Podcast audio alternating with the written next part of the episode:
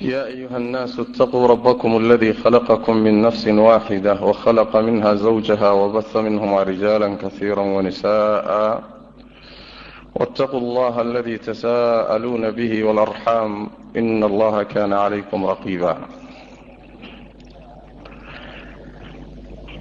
يا أيها الذين آمنوا اتقوا الله وقولوا قولا سديدا يصلح لكم أعمالكم ويغفر لكم ذنوبكم ومن يطع الله ورسوله فقد فاز فوزا عظيما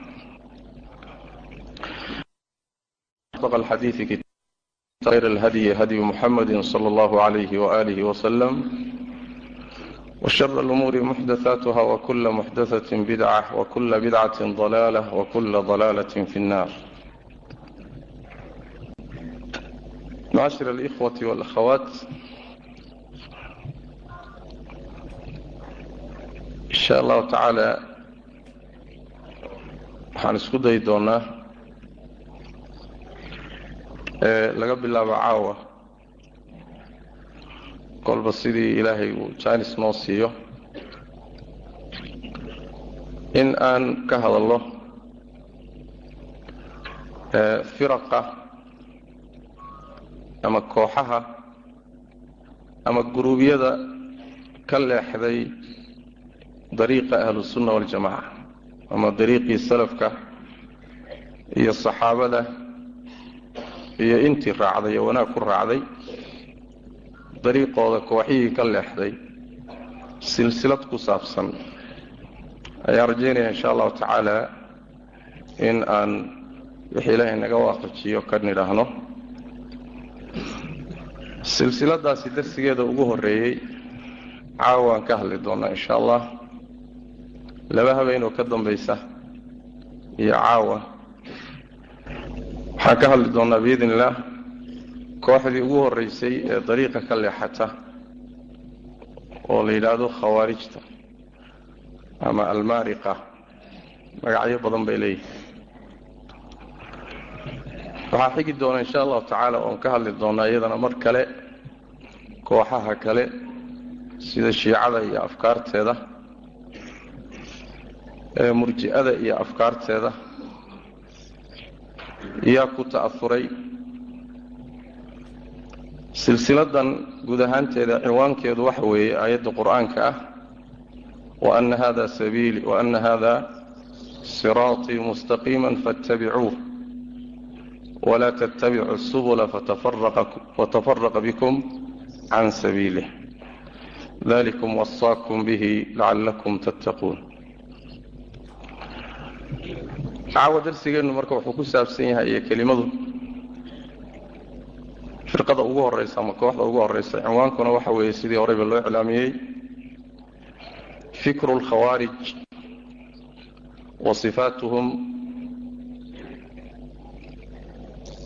wa aharu dalika fi awaa'if almucaasira ama wa aharuhu fi awaa'if almucaasira fikirkii khawaarijta iyo astaamahooda iyo raadka fikirkoodu uu ku leeyahay kooxaha hadda jooga. Yaa ku ta'afuray oo fikirkoodii wax ka mida qaatay ama wada qaatay? Inta uu ka qaatay ama ha yaraato ama ha badnaato? Caawa marka insha allahu tacaala waxaan ka hadli doonnaa oo darsigan u horreeya ku saabsanaan doonaa khawaarij say ku soo baxday goormayna soo baxday.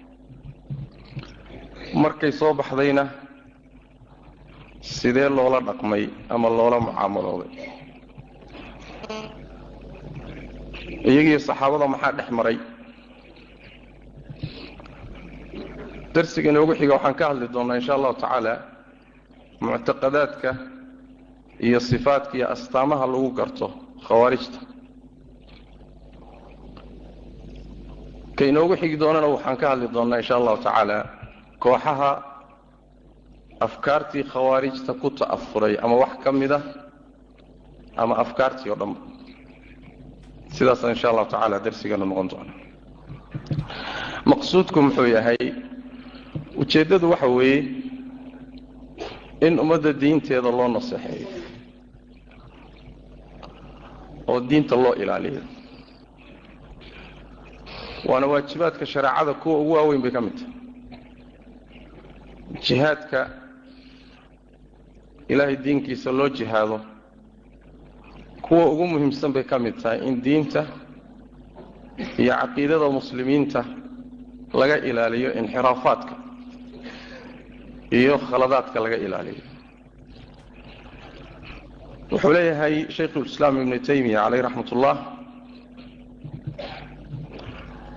isaga oo tilmaamaya ama wax ka sheegaya ama tusaalayaal ka bixinaya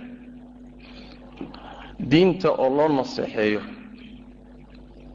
Xadiidkii tamiim iddaari addiin nasiixa. Qulla liman lilaahi walikitaabihi waad garanaysaa. Marka naseexada diinta loo naseexeeyo ayuu tusaalayaal ka bixinayay shaykhulislaam ibnu taymiya caleyh raxmat ullah markaasu wuxuu yidhi wamilu a'immati اlbidac min ahli اlmaqaalaati almukhaalifa lilkitaabi wasunna waxaa la mid ah madaxda bidcada oo hadallo kitaabka iyo sunnada khilaafsan iska leh. Aw ilcibaadaati almukhaalifati lilkitaabi wasunna ama cibaadooyin kitaabka iyo sunnada khilaafsan leh faina bayaana xaalihim wa taxdiira alummati minhum waajibun biitifaaqi lmuslimiin in xaalkooda la caddeeyo muslimiintana looga digo waa waajib muslimiintu isku waafaqsan yihiin markaasuu wuxuu keenay hadal uu leeyahay imaamu axmed caleyh raxmat ullah wuxuu yidhi imaamu axmed baa waxaa lagu yidhi alrajulu yasuumu wayusallii wayactakifu axabu ilayka aw yatakallamu fii ahli اlbidac keebaad jeceshahay nin issoomaya oo tukanaya oo ictikaafaya iska cibaadaysanaya cibaadaadkiisa khaaska isaga mashquulsan masaajidkiisa qur'aanka isaga akhrista iska ictikaafa soonkiisa iyo salaaddiisa isaga mashquulsan iyo nin shaqo ka dhigtay ahlulbidaca inuu ka hadlo oo ummadda uga digo oo afkaartooda radiyo. Labadaa keed jeceshahay baa lagu yidhaha imaamu axmed markaasaa wuxuu yidhi imaamu axmed caleyh raxmat ullah ida qaama wasallaa wactakafa fainamaa huwa linafsihi hadduu ruuxu istaago oo tukanayo oo soomayo oo dadaalahayo oo sadaqaysanayo oo xajinahayo oo cumraysanayo oo naftiisa unbay u noqonaysaa ma dhaafsiisna isagunbaa iska leh.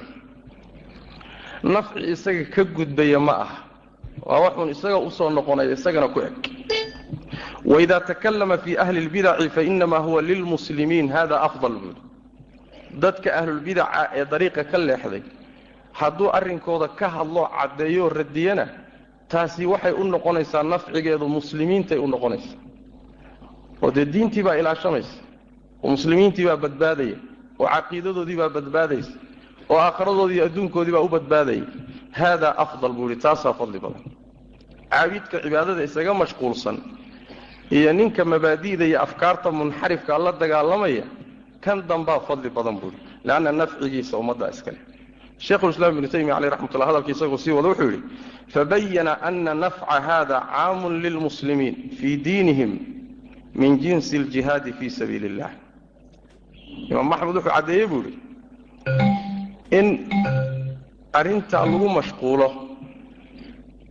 Afkaarta khaldan in ummadda looga digaa. Wuxuu sheegay buu yidhi nafcigiisu inuu caam yahay. Ummadda diinteeda u noqonayo waana nooc jihaadka ka mida id tahiiru sabiili اllahi wa diinihi wa minhaajihi wa shircatihi buui waa ilaahay diintiisii jidkii rabbi oo la daahirinayo w diintiisiioo la daahirinayo wey jidkiisiioo la daahirinayo wey shareecadiisiioo la daahirinayo wey maxaa laga daahirinayaa? Wixii rag ku soo dareen baa laga laga hufayaa oo laga nadiifinaya.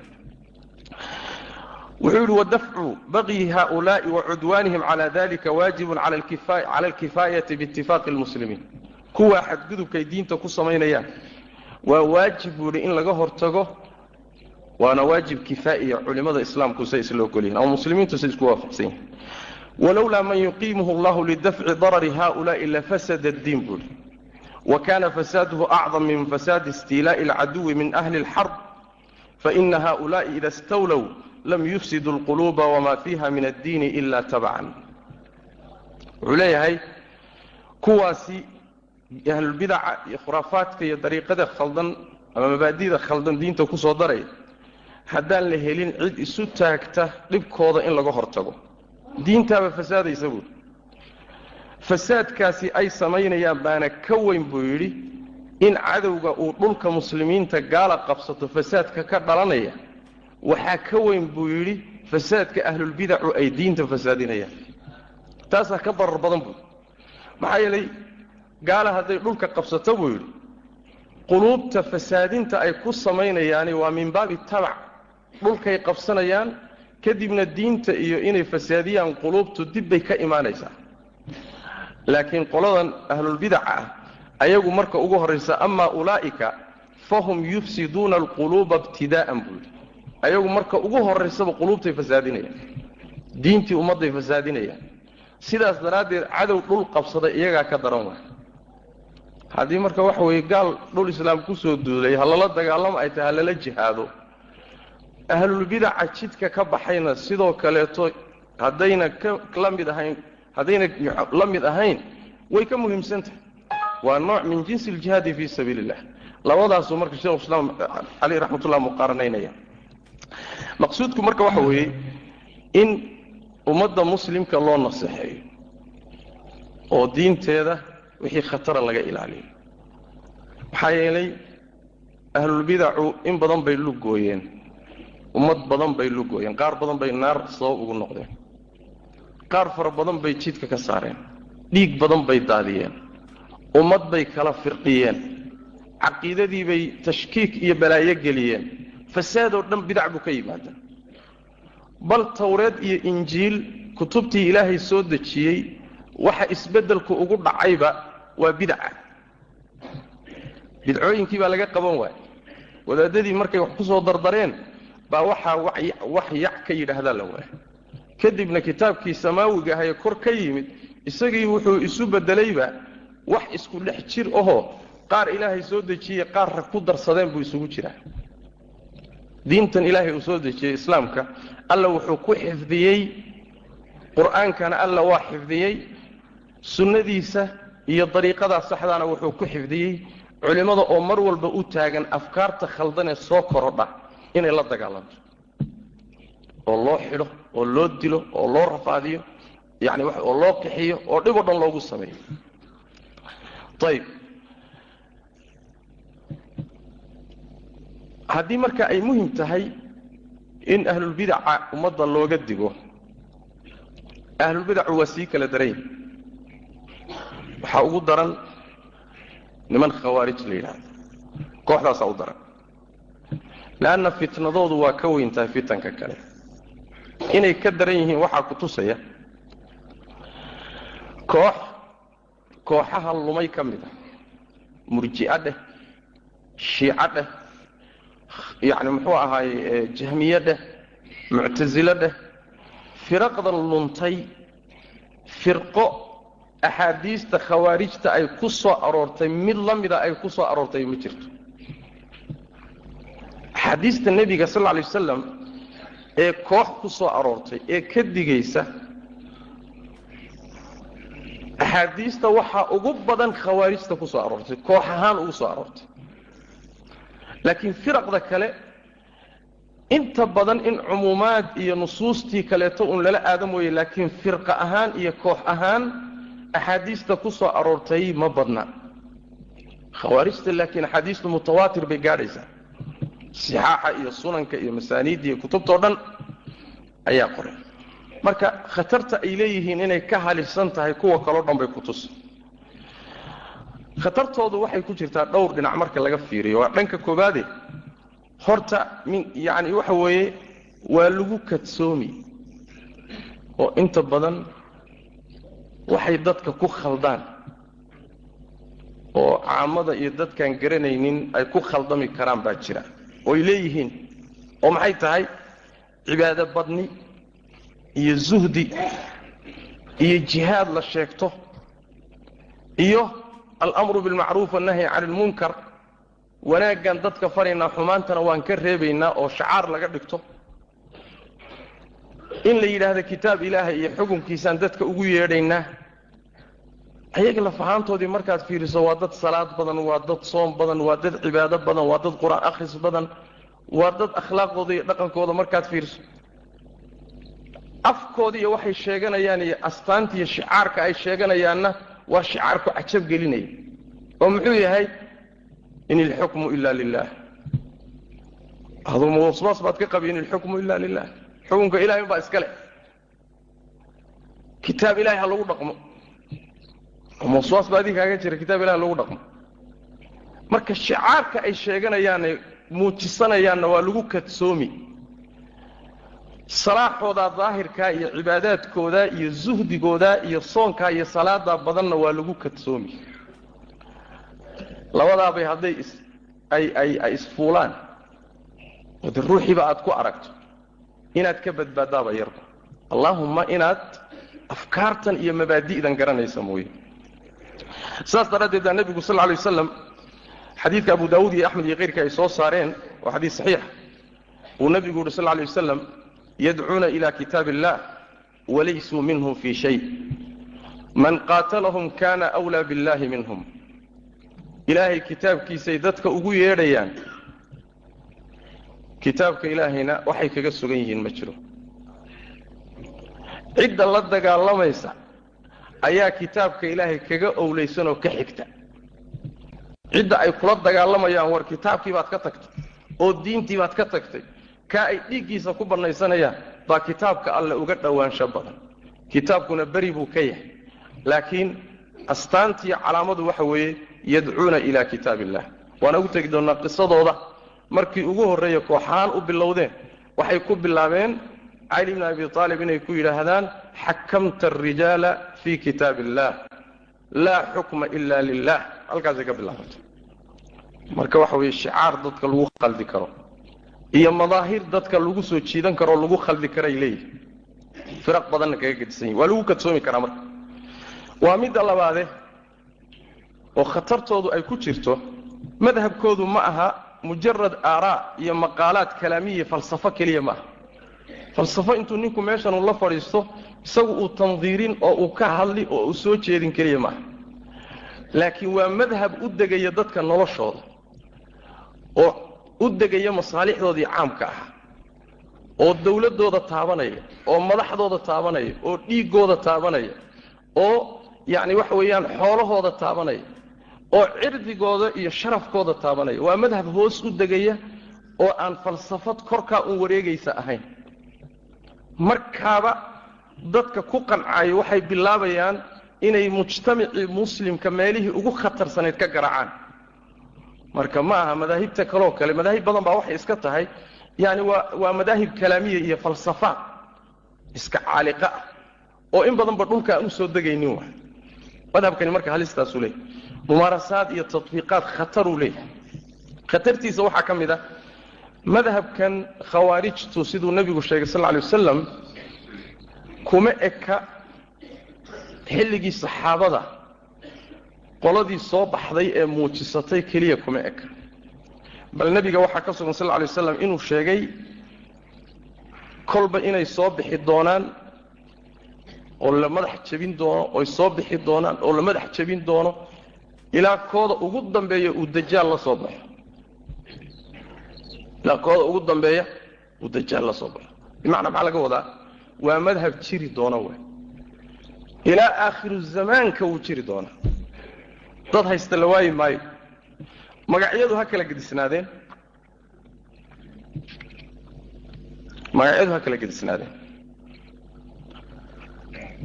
Oo waxaa laga yaabaa inay magacyo kale la kala baxbaxaan. Meelba waktiba waddanba inay magac ku soo baxaan baa dhici karta.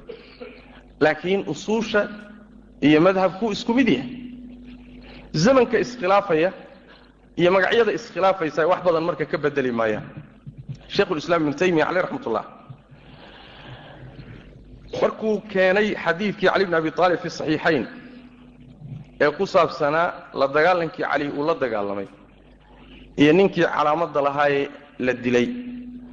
Arrinkaa markuu ka hadlayay shekhulislaam ibnu taymiya caleyh raxmat ullah wuxuu yidhi wa hadihi alcalaama alati dakaraha الnabiyu sal ly waslam hiya calaamatu awalu man yakhruju minhum ninka oo gacanta cududeeda cad hiliboo sida naaska dumarka oo kale ku leh ee kooxdii ugu horraysay cali la dagaalamay astaantii calaamada u ahaa. Calaamadaasi kooxdii ugu horraysay unbay calaamo u ahay. Ayb laysuu makhsuusiina biulaa'ika alqowm buuri khawaarijtu khaas kuma aha kooxdaa uun xilligii cali jirtay lala dagaalamay.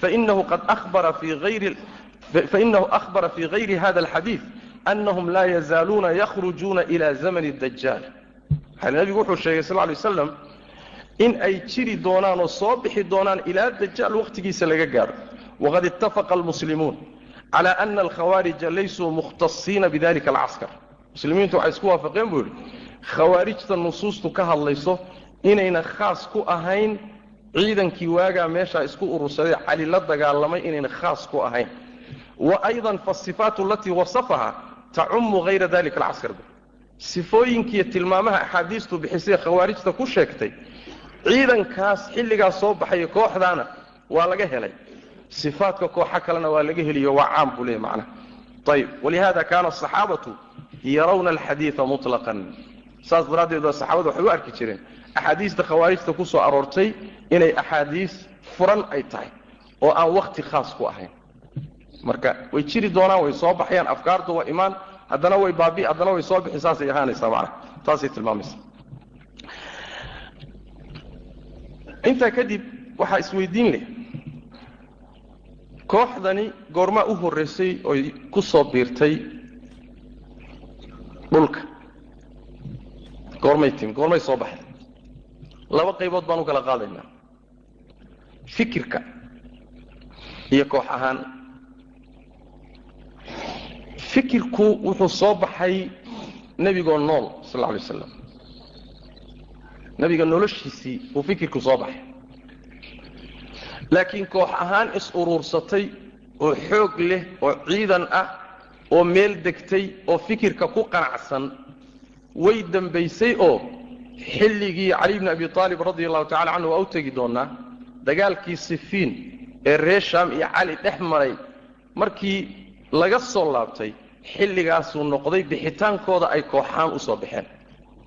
Darsigeenna caawaan qaadan doonu ka mid yaha insha allahu tacala fikir ahaan xilligii nebigay soo baxeen waxaa ku tusaya laba xadiid baa ku yimi xadiid waa xadiidka jaabir bn cabdillaah xadiis kalena waa jiraan laakiin labadana ku gaabsanayn muslim baa soo saaray fii saxiixihi. Wuxuu leeyahay muslim nebiga sal lla lay wasalam dagaalkii xunayn markuu ka soo laabto jixiraano markuu marayo oo halkaasuu muxuu ahaaye joogo ayaa nin baa u yimi nebigu marka wuxuu qaybinayaa fiduu qaybinaya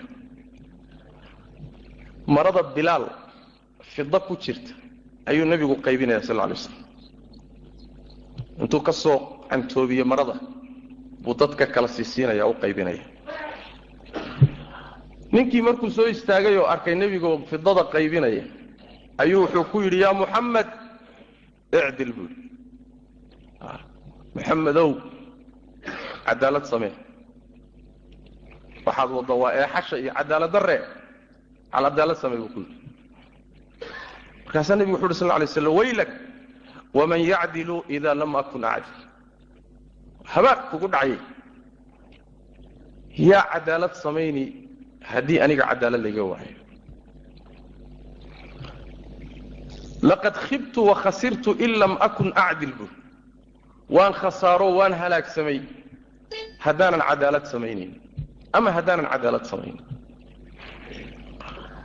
u fiirsada marar badan baan xadiiskaa tilmaami doonaa iyo kan soo socdaba markaan ka hadlayno afkaarta khawaarijta iyo sifaadkooda yacni nebiga sal alla alay wasalam qaybintiisii iyo xukumkiisii iyo ficilkiisii iyo xukumkii wuxuu leeyahay waa khaldanta.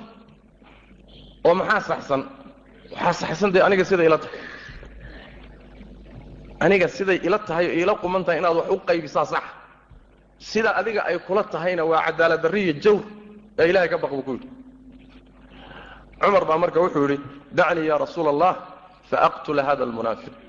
Rasuul allow idaa munaafiqan aan diloon qoorta u caseeyay markaasaa nebigu wuxu uhi sal lay slam macaada allah an yataxadaa annaasu annii aqtula asxaabii waxaan ilaahay magan uga ahay in dadku ku sheekaystaan maxamed saxaabadiisii buu laynayaa. Sumcadda iyo dacwada magaceeduu ilaalinaya nebigu sal lay slam waa xadiiskii aan ka jeedinay muxaadaradii ahayd muxuu ahay alislaamu bayna tashwiihi acdaa'ihi wa akhtaa'i abnaa'ihi.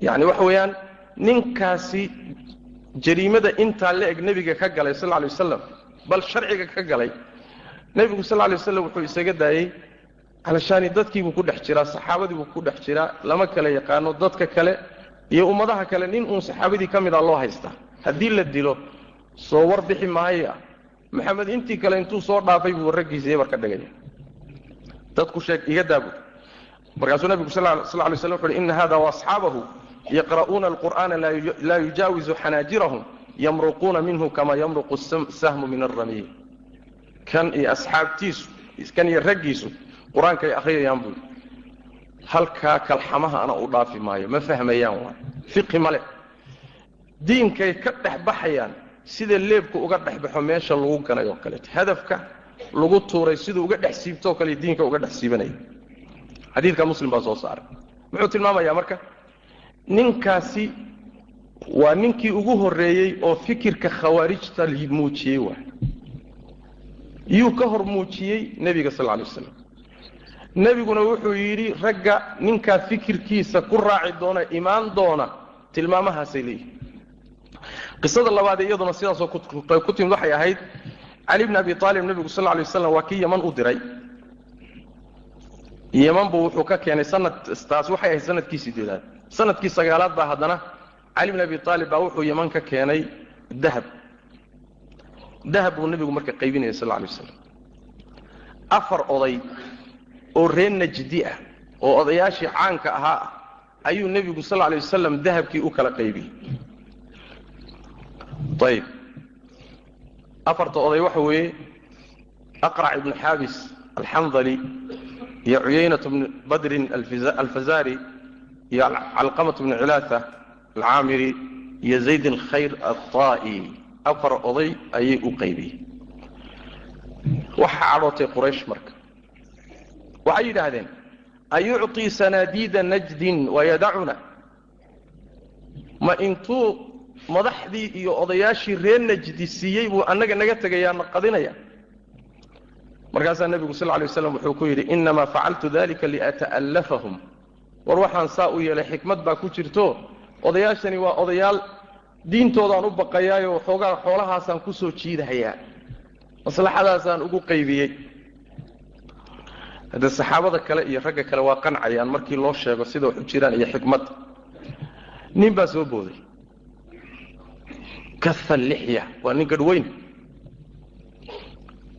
mushrifa alwajnatayn labada koodna waa soo baxsan yihiin haa'ira alcaynayn indhuhuna gudahay ku jiraanoo waa god bay ku jiraan naati aljabiin dhabankuna waa soo taagan yihi maxluuqa ara'si waa madax xiirayn nin aad jinjinba moodaba ayaa soo booday markaasuu wuxuu idhi ittaqi illaaha ya muxamed ilaahay ka baq buuhi maxamadow war maxaa dhacay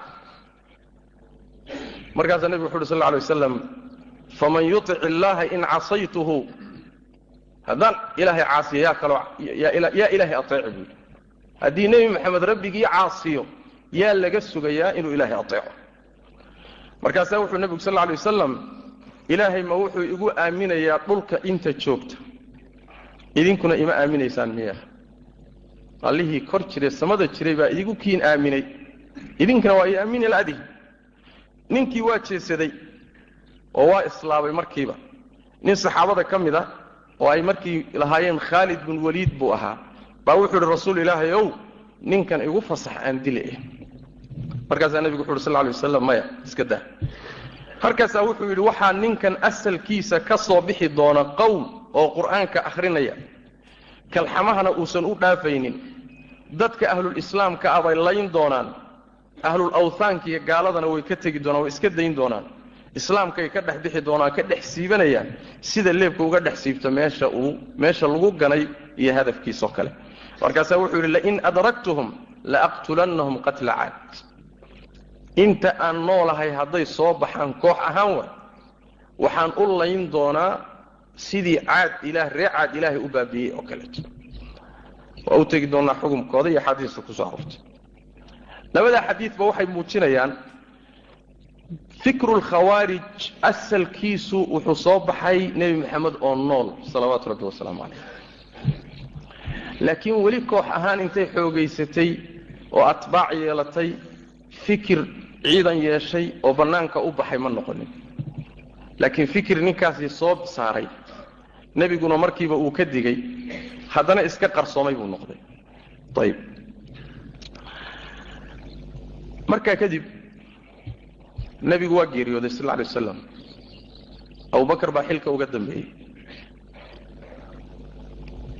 Mudduu hayay cumar baa uga dambeeyey. Mudduu hayay. Cumaan baa uga dambeeyey. Mudduu hayay. Intii hore ilaa laga soo gaadho khilaafadii ama khilaafadii cumaan qaybteedii dambe ilaa laga soo gaadho.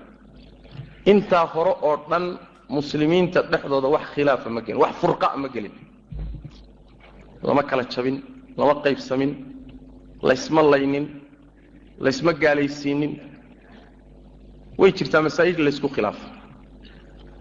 Laakiin mas'ale kastoy saxaabadu isku khilaafaan laba mid bay ahaan jirta in markii khilaafku soo baxo kadib laysku waafaqo ijmaac yimaado. Markii la niqaasho kadib laysku raaco. Sida masaladii yani khilaafada. Markuu nebigu dhintay sal lay wasalam yaa xilka loo dhiibaa markii dambena waa tii abubakar ku dhammaatay soo ma sidii maalan xuruubu ridda. Soo ma yani dadkii diinta ka noqday ridoobay la dagaalankoodii. Markii hore cumar kadibna waa laysku waafaqay. Abubakar iyo cumar waa tii niqaash ku dhex maray wahaakada waxaa ka mid a masaladii qur'aanka jamcintiisa wahaakada soo soco mas'alo isku khilaafeen ma jirin ilaa marka dambe ama ijmaac bay ku dhammaataa ama haddaynan ijmaac ku dhammaanin xataa yacni masale ijtihaadiya wajahaatu nadarkoodu isku khilaafsan yahay laakiin aan lagu kala tegin furqo iyo ayna gaalaysiin iyo dagaal iyo kooxaysi dhicin bay iska ahaan jirta oo iska ijtihaadi ah saasay marka masaladu ku socotay waa mida uu leeyay shekhulislam ibn taymiya caleyh raxmat ullah khawaarijta iyo shiicada markuu ka hadlayay wa haataani طaa'ifataan xadaثuu bacda maqtali cuثmaan waxay soo baxeen buu leeyahay cumar cuثmaan markii la dilay kadib. Wa kana almuslimuuna fii khalaafati abi bakrin wa cumara wasadran min khalaafati cuثmaan fi اsanati اlأuulى min wilaayatihi muttafiqiina la tanaazuca baynahum muddadaa way iswaafaqsanaan muslimiintu khilaafna ma jira uma xadaa fi awaakhiri khilaafati cumaan umuuru awjabat nawcan min atafaruq khilaafadii cumaan sanadihii ugu dambeeyey ayaa waxaa soo baxay arrimo wax keenay nooc oo qaybsan ah. Arrimahaasi uu iska ijmaaliyey laakiin intooda badan waxay ahaayeen ijtihaadaad uu sameeyey khaliifku oo ku saabsan jagada iyo mas'uuliyaadka dad uu dhiibay iyo xoolo uu qaybiyey wixii isaga ijtihaadkiisi iyo awooddiisa ahaa salaaxiyaadkiisii uu lahaabay ahayd. Tiibaa rag intay buunbuuniyeen oo ay taxriifiyeen oo shaqo ka dhigteen bay balaayo ka abuureen. Halkaasay marka furqadu ka timid ayb wuxuu yidhi waqaama qawmun min ahli lfitnati waalulmi faqataluu cumaan qolyo balaayo qaba oo fitno wadalayaal ah oo dulmi wada ayaa kacay cumaan bay dileen. Fatafaraqa almuslimuuna bacda maqtali cumaan cumaan markii la dilay baa marka la qaybsamay. Waa u tegi doonaa. Walama iqtatala almuslimuuna bisifiin waitafaquu cala taxkiimi xakamayni kharajat alkhawaarij cla amiiri lmuminiina caliy bn abi aalib wafaaraquuhu wafaaraquu jamacat almuslimiina ila makaanin yuqaalu lahu xaruuraa. Cumaan dilkiisii ayay marka wax walba ka bilowdeen intaa kadib wax yar waxaan rabaa inaan isdul taago ama aan dib ugu yaro noqono fikirka khawaarijtu xilligii nebigu fikir ahaan soo baxay bilowgiisii hore. Laakiin koox ahaan say ku yimaadeen. Taariikhda siday xadadka taariikhiga u ahaa baan rabaa wax yar inaan si gaaban dul maro. Maqsuudkuna ma aha inaan dhacdooyinkaasi tafaasiil u galo. Laakiin inaan idin soo gaadhsiiyo ama aan soo gaadhno khawaariji xilligay bixi doonaan. Muhimmaddu waa taas way saan sheegnayba cumaan ibnu cafaan sanadihiisii ugu dambeeyey tasarufaad ijtihaadiya oo uu xaq u lahaa ayuu sameeyey. Dad baa qoonsaday. Fitnay abuureen. Kacdoon baa ka dhashay. Masar iyo meeshaas inta la aaday ayaa kooxo munaafiqiin oo zanaadiqo ahoo diintaba ugu jirayba inay dumiyaan. Iyo kooxo kaleetoo iska caqli gaab ah iyo kuwo islaamnimadooda isaga cusub iyo kuwo fitna wadayaal abalaayaa iskaashatay kadibna dhulkaas baa waxaa ka bilowday sheeko ah cumaan iyo eedayntiisa. Kanuu sameeyey kanuu sameeyey ma ogtihiin wuu eexday ma ogtihiin xoolihii buu ku tasaruf ma ogtihiin sidanuu sameeyey ma. Wixii baa dadkii lagu akhriyey hoostaasay ka socotaa. Balaayaa kacday marka. Cumaan baa lagu kacay. Yaa ku kacaya? Ma aha saxaabadii iyo muhaajiriintii iyo ansaartii ma aha. Ardadii nebiga ma aha. Sidaas daraaddeed baa riwaayaadka saxiixa ah. Riwaayaadka aan sugnayn abimikhnaf iyo riwaayaadkiisa oo daciifka ama mawduuca waxa ay sheegayaani ma ahee riwaayaadka saxiixa ah hal nin oo muhaajiriya ama ansaari ah oo ka qayb qaatay fitnadii cumaan lagu dilay ma jiro. Hal nin ama jiro. Iska dhaaf iyaga xataa. Muhaajiriinta carruurtoodii hal nin oo ka qayb qaatay ma jiro oo galay markii laga reebo moxamed ibni abi bakr sidiiq abubakr sidiiq wiiluu dhalay oo iska yaraa oo fidnada dhex galay. Kooxdii masar ka soo duushae kacdoonka waday ee cumaan ku soo duushay buu ka mid aha isaguna markii cumaan inta magaalada madiine la yimid daartii iyo xafiiskii uu dowladda ka maamulahayay ay isku wareejiyeen kooxdii kacdoonka waday oo intay u galeen gudaha raggii u galay buu ka mid ahaa. Raggii u galay buu ka mid ahaa moxamed bin abibakr sidiiq riwaayada saxiixa waxay tilmaamaysaa moxamed ibn abubakr sidiiq wuxuu qabtay cumaan garhka markaasuu cumaan wuxuu ku yidhi laqad akhadta bilixyatin kaana abuuka yukrimuhaa. Gadh waxaad qabatay aabbahaa uu karaamayn jiray. Maxamed ibn abibakr sidiiq waa isku yaxyaxay. Waa isku naxay. Intuu isdaday buu meeshii ka baxay. Halkaasaa ugu dambaysay qaskii hore waa ka qayb qaatay laakiin dilka cumaan kama qayb qaadanin. Muusan dilka gacan kuma lahayn. Intaa markuu cumaan xusuusiyeyba uu iska noqday. Arrintaasi riwaayo sugan bay ku sugan tahay inuusan xataa maxamed ka qayb qaadanin. Saxaabi kale iska badaa. Qoladaa markay soo duusho magaalada madiine yimaadeen oo cumaan inay dilaan ku talagaleen. Magaalada madiine waxaa ka buuxa muhaajiriintii iyo ansaartii baa ka buuxa. Raggii dhulka furtay ee kuwan soo islaamiyey ee futuuxaadka islaamka meel walba diinta gaadhsiiya tawxiidka raggii baa meesha jooga halyey oo dhan baa meesha ku idin talxaa jooga oo zubayr baa jooga oo cali baa jooga oo rag oo dhan baa meesha ku idin khaliifkii nimankan markay isku wareejiyeen oo damceen inay dilaan waa loo soo gurmaday saxaabadu waa u yimaadeen. Wayna ka tiro badnaayeen wayna ka xoog badnaayeen ragga reer madiine markaa joogay. Suwaartan kacdoonka wada way ka xoog badnaayeen.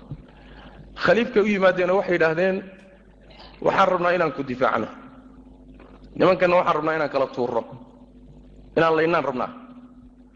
Wuxuu yidhi anshudukum allah rajula ra'aa xaqan waaqara lii ana lii calayhi xaqan an yuhriiqa fii sabiilii mil'a mixjamatin min damin aw yuhriiqa damahu fiiha. Haddaan xaq idinku leeyahay buuhi oon khaliifkiinnii ahay oo inaad i ateecdaan oo amarkayga qaadataan xaq aan idinku leeyahay. Sababtayda dhiig ha u daadinina. Kiinnana sababtayda ha u daadinina. Idinma xalaalaynayo kac iska taga kac iska taga hay difaacina. Hadde khaliifkii muslimiinta hadduu ku yidhaahdo amarku siiyo soo inaad amarkiisa ateecdo maaha magaaladaa laysaga laabtay waa lagu soo noqday war nimankan way ku dilayaan hay dilaan buuri idinku dhiignina sababtayda ha daadinina xataa wax yar wax yar oo toobinka baalka toobinka lagu qaado muggiisoo kale ah intaasoo kale sababtay ha u daadinina iska noqda nimankii huwaartee kacdoonka waday cumaan way wada hadleen. Aad buu ula hadlay. Wuxuu kala hadlay wuxuu ahaan jiray. Maxaasintiisii diintan wuxuu u soo qabtay? Inuusan dil mudnayn waxay ku sheeganayaan buu isku dayay inuu ka qanciyo. Akhiiran markii dambe waa qanci waayeen way u soo galeen way dileen. Waxay yidhahdeen xilka ka deg mas'uuliyaddana wareeji ka dhexbax bay dheheen cumaan marka wuxuu haystaa dardaaran nebigu uga tegey salawaatu rabbi wasalaamu calayh. Oo dhahaya xadiidka caaisha ibn maaja iyo keyrkii baa soo saaray waa xadiis sugan weyn. Wuxuu leeyahay nebigaa cumaan la dardaarmay ila nebigu uu u sii sheegay xilligiisa inuu la kulmi doono fitan uu la kulmi doono. Iyo balaayooyin xadiidkii abu muusa iyo kayrkii raggii jannada loogu bishaareeyey idan lahu i'dan lahu siduu u lahaa. Cumaan markuu soo gaadhay idan lahu wabashirhu biljanna calaa balwa tusiibuhu buu nabig sal lay waslam jannada ugu bishaaree ha soo galo. Jannadana ugu bishaaree balaayooyin iyo masaa'ib iyo fitan ku dhici doona iyadoo jirto marka nebigu sal lay slam dardaaran buu siiyey marka cumaan wuxuu ku yidhi in wallaaka allahu hada almra yowma faaraadaka almunaafiquuna an takhlaca qamiisaka aladii qamasaka allahu falaa takhlachu. Haddii maalin xilka muslimiinta aada qabato oo munaafiqiin intay kuu yimaadaan ay ku yidhaahdaan qamiiska bixi qamiis ilaahay kuu geliya ha bixinin buu ku yidhi. Xilka munaafiqiin baa u dhiibtay maya qamiiskan ilaahay baa u geliyay muslimiinta baa isku waafaqay. Xilkan ayagaa u dhiibtay. Qamiiskaa ha u siibin hana u tanaasulin buu ku yidhi. Cumaan wuxuu ku yidhi marka ma idin mana ka tanaasulaya xilkana ma dhiibayo cumaan radi allahu tacala canhu ardaa waa la dilay. Xadiidkaasi ibnu maaja baa soo saaray ibn abi caasim. Waxaa la dilay bisha dilxiju siddeed iyo toban ah taariikhda hijrigu markay ahayd soddon iyo shan. Ayib nin waxaa dilay riwaayada saxiixa sida tilmaamayso nin reer masar ah oo madow ayaa dilay. Magacyadiisa siyaabo kala gedisan baa lagu sheegay. Cumaan markii la dilay magaaladii madiine iyagaa haysta qoladani saxaabadiina maadaama khaliifkii yidhi ha dagaalamina guryaha iyo magaaladaa la joogaa khaliifkii waa la dilay xataa masaajidka iyagaa tujinaya salaada huwaartaa tujinaya oo cumaan baa loo yimid waxaa la yidhi nimankii fidnanaana tujinaya maxaan samaynaa? Ku daba tukada buui ku daba tukada. Cumaan markii la dilay kadib waxaa lala muwaayacooday oo markiiba saxaabadu u degdegeen.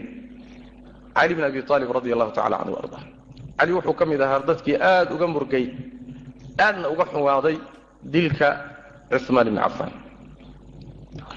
Riwaayaadka saxiixa waxay tilmaamayaan marka inay saxaabadu markiiba cali u degdegeen inay la u baayacoodaan ahlulxalli walcaqdiga ayaa u tegey sida riwaayada moxamed ibni xanafiya wiilkii cali bn abi aalib uu warinayo waa loo yimid cali baa loo yimid oo waxaa la yidhi muslimiintii khaliifkoodii waa la dilay mas'uul la'aanna ma noqon karaan amiir la'aan ma noqon karaan. Saas daraaddeed cid ku dhaanta ma hayno nebigayn adeerkii baa tahay sihrigiisii baa tahay gabadhiisii baad qabtaa raggii ugu horreeyee diintan yani waxa weye qaatay islaamay baa tahay wax maanta kugu dhaamo ma haynee xilka qaad. Cali waa diiday wuxuu yidhi nin idinka midaa noqonaya. Cid kale ha loo raadiyo xilkaas. Waa lagu laabtay. Way ku celceliyeen. Ilaa markii dambe uu oggolaaday markaasu wuxuu ku yidhi haddaad iga dayn weydeen. Baycada iyo xilka aan qaadayo. Qarsoodi ma noqonaysee? Masaajidkayna geeya. Meeshaasaan beecada ku geli oo beecada laygula gelayaa. Masaajidkii baa la yimid isagoo weliba cali loo baqayo.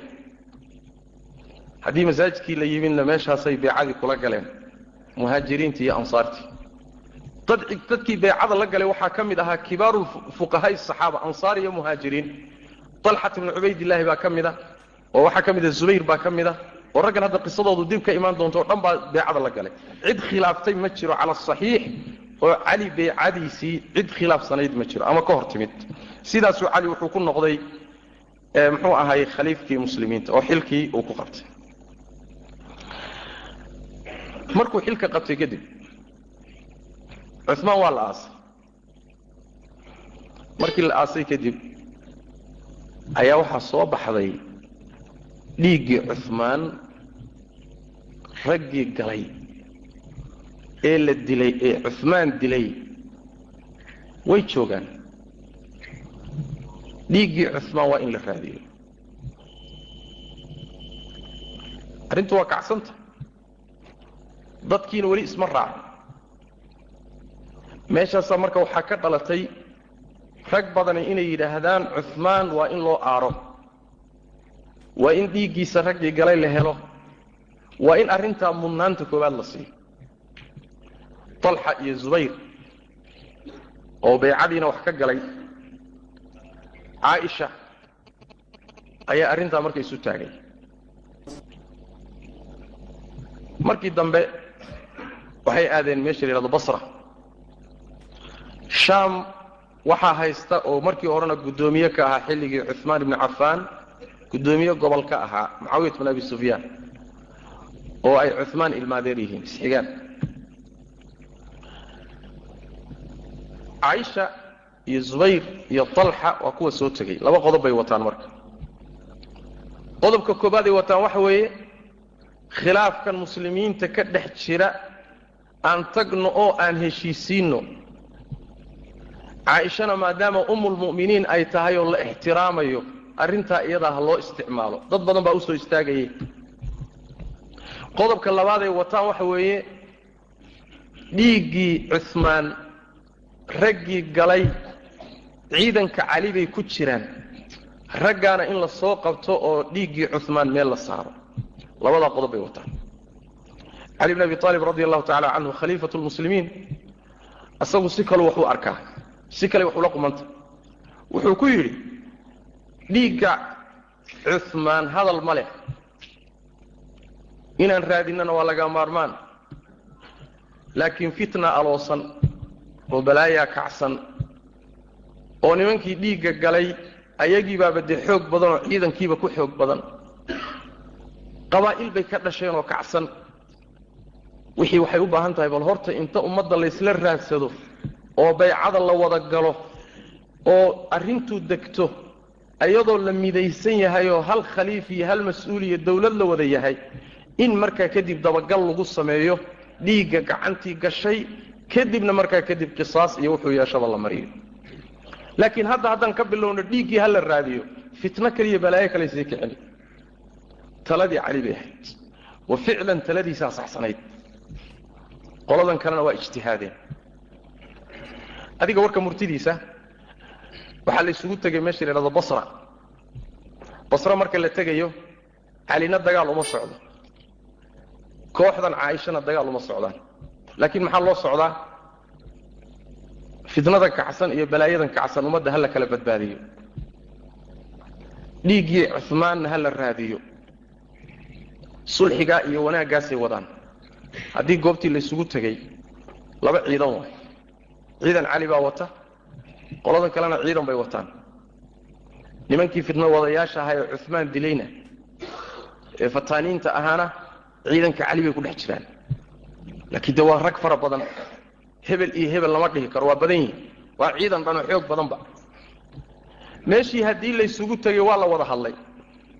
Yaa wada hadlaya saxaabada raggoodii waaweynaa caaisha iyo cali iyo zubayr iyo talxa iyo waa la wada hadlay heshiis baa laysla soo dhoweeyey nimankii fitno wadayaasha ahaa markay ogaadeen inuu heshiis soo dhow yahay oo yaa loo heshiinaya?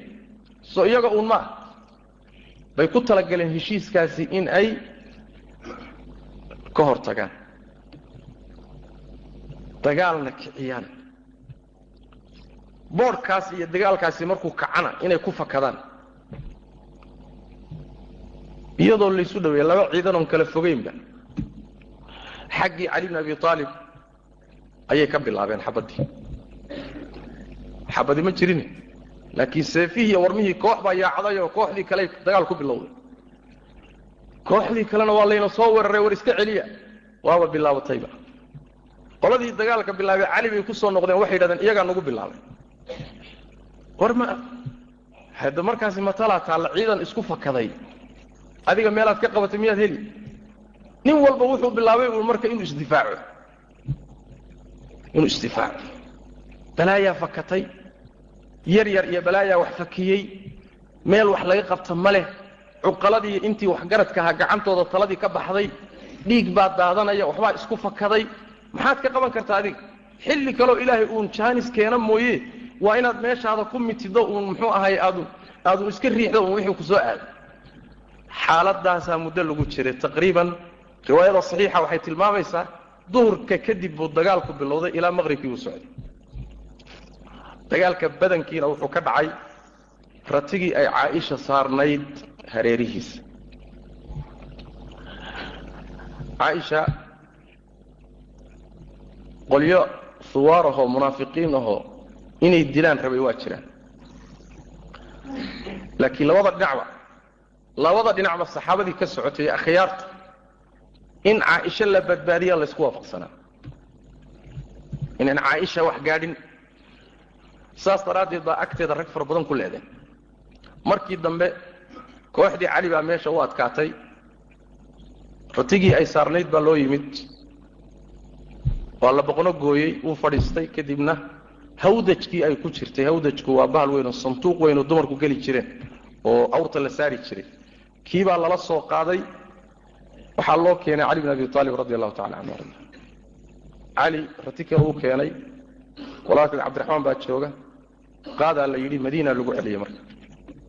Halkaas waxaa ku dhammaaday dagaalkii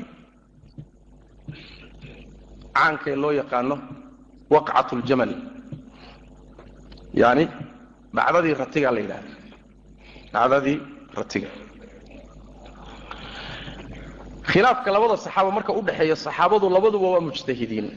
Calina waxay ka tahay war daacada soo gala. Qoladana waxay ka tahay horta ha lagu hormaro dhiiggii cumaan arrintaasi sidaa markay u dhacday oo dhibkaasi dhacay dagaalkii sidaasuu ku dhammaaday cali baana meeshii u hadhay. Ragga intoodii kaleeto raggii kale muhimka aha sida talxoo kale. Talxa raggii ugu horreeyey meesha lagu dilay buu ahaa radia allahu tacala canhu arda nin mujrimaa dilay. Zubayr cali bn abi aalib bay is arkeen dagaalku markuu bilaaban rabay. Ama wax yar ka hor. Cali baa u sheegay xadiid nebiga ka sugan oo ku saabsan isagiiyo cali inay isqaban doonaan. Calina ka garleey zubayr xadiidkii markii la xusuusiyey wuu iska soo noqday. Dagaalkaba ma gelin meeshii buu ka dhaqaaqay nin habaar qaba oo mujrimiinta ka mid a ka daba tegey isagoo iskaba tegeyba meel dhuxuu ku gaadhay oo uu ku dilay ilan raggan akhyaarta ahee saxaabadaee walaalahee nebigu soo wada koriyey ardada u wada ahaa ee balaayaa ka dhex shaqaynaysa. Balaayaa ka dhex shaqaynaysa oo iyagu dhiig iyo wax daata iyo fitno iyo in la baaba'a raba. Islaamna aan dan ka lahayn islaamku inuuba rogmaday rabaanba. Waxaasaa marka meesha ku dhex jira oo ka dhex shaqaysanay fitnada badankeedna iyagaasa abuuray. Dagaalkaasi markuu dhammaaday kadib waxaa soo hadhay cali bn abi aalib reer kuufa awooddiisii madiino uu haysto hawshaasi waa gabagabowday. Waxaa soo hadhay marka reer shaam. Shaam waxaa haysta mucaawiye. Cali iyo cali iyo mucaawiya wada hadlay. Mucaawiye wuxuu codsaday dhiiggii cumaan anaa u xaqleh dhiiggiisa. In adeerkay weeye. Raggii dilayna cali ciidankaagay ku jiraan. Waa in raggaa la soo qabto. Calina sidii qoladii horeu ku yidhi oo war arrintuu balaayaa taagane bal horta daacada soo gal. Oo muxuu ahaayey baycada gal oo dawladdu ha israacdo khilaafku ha baxo. Markaa kadibna nimankan aan raadinno. Mucaawiya radi allahu tacala canhu waa ku adkay radi allahu tacala canhu waa ku adkaystay. Mawqifkiisii ah wuxuu ku adkaystay dhiiggii cali iyo nimankii dhiiggii cuhmaan iyo nimankii galay ha la hormariyo qir iyo qir meeshaas ayaa haddana is-afgaran waagaa waxaa ka dhacay. Dagaalka kale isagana la magac baxay. Macrakadii sifiin. Oo mucaawiye iyo muxuu ahay ay mucaawiyana uu dhinac yahay iyo reer sham cali iyo ciidankiisiina ay dhinac yihiin sannadkii soddon iyo toddoba taariikhdu markay hijriga ayuu dagaalkaasu dhacay dagaalka isagaa iyadana cali baa taqriiban sigay inuu ku guulaysto. Horta intaana taa u gudbin. Mucaawiye riwaayaadka saxiixasay tilmaamayaane sugan. Mucaawiye cali muusan ku haysanin khaliifnimada. Waa masale inaad fahantaan u baahan. Mucaawiye amiir baa la dhihi jiray. Amiiru shaam. Waa guddoomiyihii shaam baa la dhihi jiray waa la weydiiyey nasan cali miyaad ku haysataa khaliifnimada? Maya buu yidhi. Inuu khaliifkii muslimiinta yahay waa oga kumana haysto laakiin waxaan rabaa in dhiiggii cumaan meel la saaro. Khaliifka muslimiintu marka wuxuu ahaa cali lagumana haysanin reer shaamna kuma haysanin. Laakiin ishkaalku xaggee buu ka yimid. Mas'aladaas dhiigga cumaan ah iyo ma midnimada iyo israaciddaa lagu hormaraa mise dhiiggiibaa lagu hormaraa taasaa khilaafku ka dhacay markii dambena sababtay dagaalkii sifiin. Meel ilaahay wax ka wado tabaaraka wa tacala lama baajin karo. Laakiin runtii labada dhinacba waxay isku dayeen inay dhiigga baajiyaan. Adugu dagaalkii waa dhacay. Dagaalkaana waxaa ku gar lahaa ama ku saxsanaa cali laba xadiid baa ku tusaya inuu ku saxsanaa. Xadiidka koobaadi waa xadiidka uu leeyahay nebigu sal lay waslam wayxa cammaarin taqtuluhu alfi'atu albaaqiya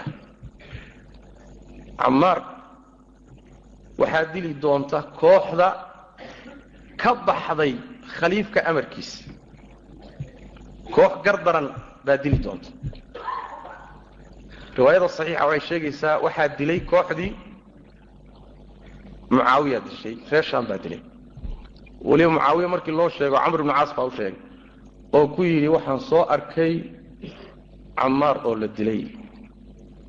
Aad buuna uga naxay xadiidkaasina waa jiraa ciidankeennaana dilay buu ku yidhi. Mucaawiya marka wuxuu yidhi annagu maanaan diline ninkii dagaalka soo geliyey baa dilay buui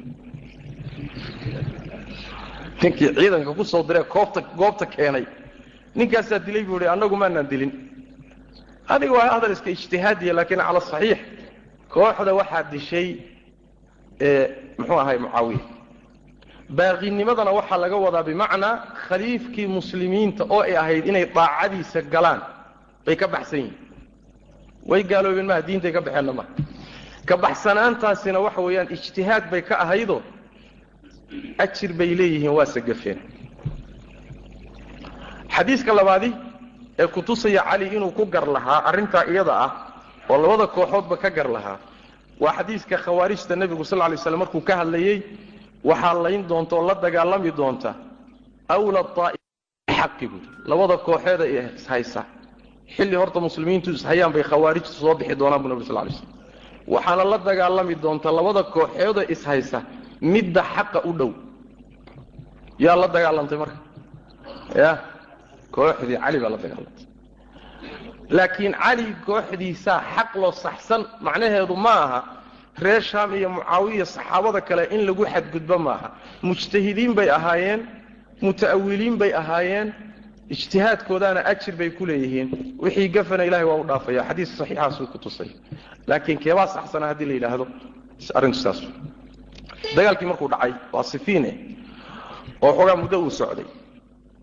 Ayaa waxay arkeen nimankii la dhihi jiray reer sham iyo ciidankii mucaawiya. Mudduu socday dagaalku waqti dheer. Wakti kadib waxaa laga adkaaday oy muuqatay in caalsaaraha laga wato ciidankii mucaawiya iyo reer sham markay arkeen ayaa waxay ku carareen meel taag ah meel taaga isku urursadeen camr bnu caas baa markaa tala soo jeediyey. Wuxuu ku yidhi arsil ilaa caliyin bimusxaf wadcuhu ila kitaab illah fainahu lan ya'ba calayka buuri mucaawiyow misxaf kitaab qur'aan a sii dhiib buu yidhi. Calina ha loo geeyo waxaadna ugu yeedhaa kitaab ilahay aan ku kala baxno. Kaa diidi maayo saan ku aqaane cali baa loo keenay kitaabkii oo la wado markaasaa cali bn abi aalibin waxaa lagu dul akhriyay aayadda qur'aanka.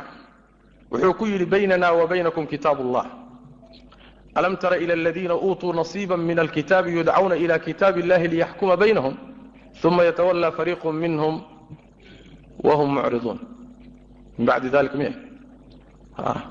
Yani waxa weeyaan haddiiba ilaahay kitaab ilaahay loogu yeedho waa inaad aqbasho. War kale ma jiro cali markii arrintii loogu yeedhay oo loo soo bandhigay waa oggolaaday wuxuu yidhi nacam ana wlaa bidalika baynana wa baynakum kitaab ullah anaa idinka xaqle buuri dhiigga muslimiinta in la joojiyo kitaab ilahayna lagu kala baxo anaa cid walba ka mudan buuri ee kitaab ilahay aan ku kala baxay.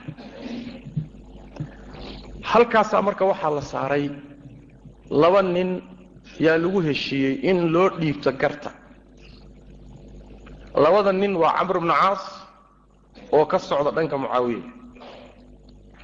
Iyo abu muusa alashcari oo ka socda dhanka cali labadaa nin baa lagu heshiiyey in arrinta loo dhiibo ka soo baaraan degaan arrintana xal ka gaadhaan waxay ku xalliyaanna laysku raaco. Sidii markii laysku waafaqay labadii nin waa is arkeen qadiyadan waa qadiyatu taxkiim qadiyada la yidhahdo wa waana qadiyada wax ku dhismi doonaan. Labadii nin waa is arkeen. Labadii nin markay kulmeen kadib riwaayaad aan sugnayn waxay leeyihiin qodobkaa u fiirsada. Riwaayaad aan sugnayn oo daciif iyo mawduuc isugu jira waxay sheegayaan markay kulmeen oy wada hadleen inay isku waafaqeen calina xilka ha laga qaado mucaawiyana ha laga qaado cid cusubna muslimiinta aan u samayn. Kadibna waa la soo wada tegay iyagoo intaa laysku soo waafaqay. Masaajidkaa la yimid abuu muusaw hadal buu yidhi. Camr bnu caasna dib buu isu dhigay.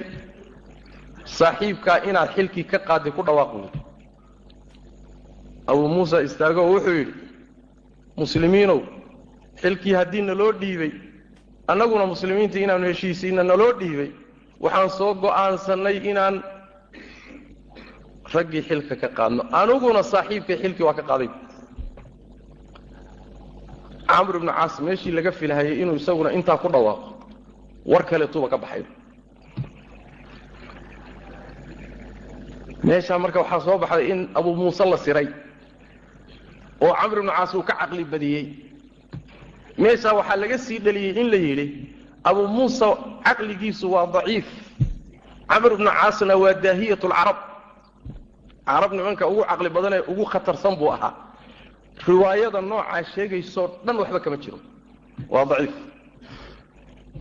Masalada inaad ku baragtaan waa laga maarmaa. Mustashriqiinta iyo dadka taariikhda muslimiinta iyo islaamka tashwiihiya yaa riwaayaadka noocaasoo kale ictimaada riwaayada ugu roonee ugu tabaroon ee nimankaasi waxay isku soo waafaqeen tilmaamaysaay waa riwaayada ibni casaakir uu soo saaray fii taariikhihi oo culimmada qaarkood leeyihiin rijaaluhu hiqaat waxay leedahay riwaayadaas.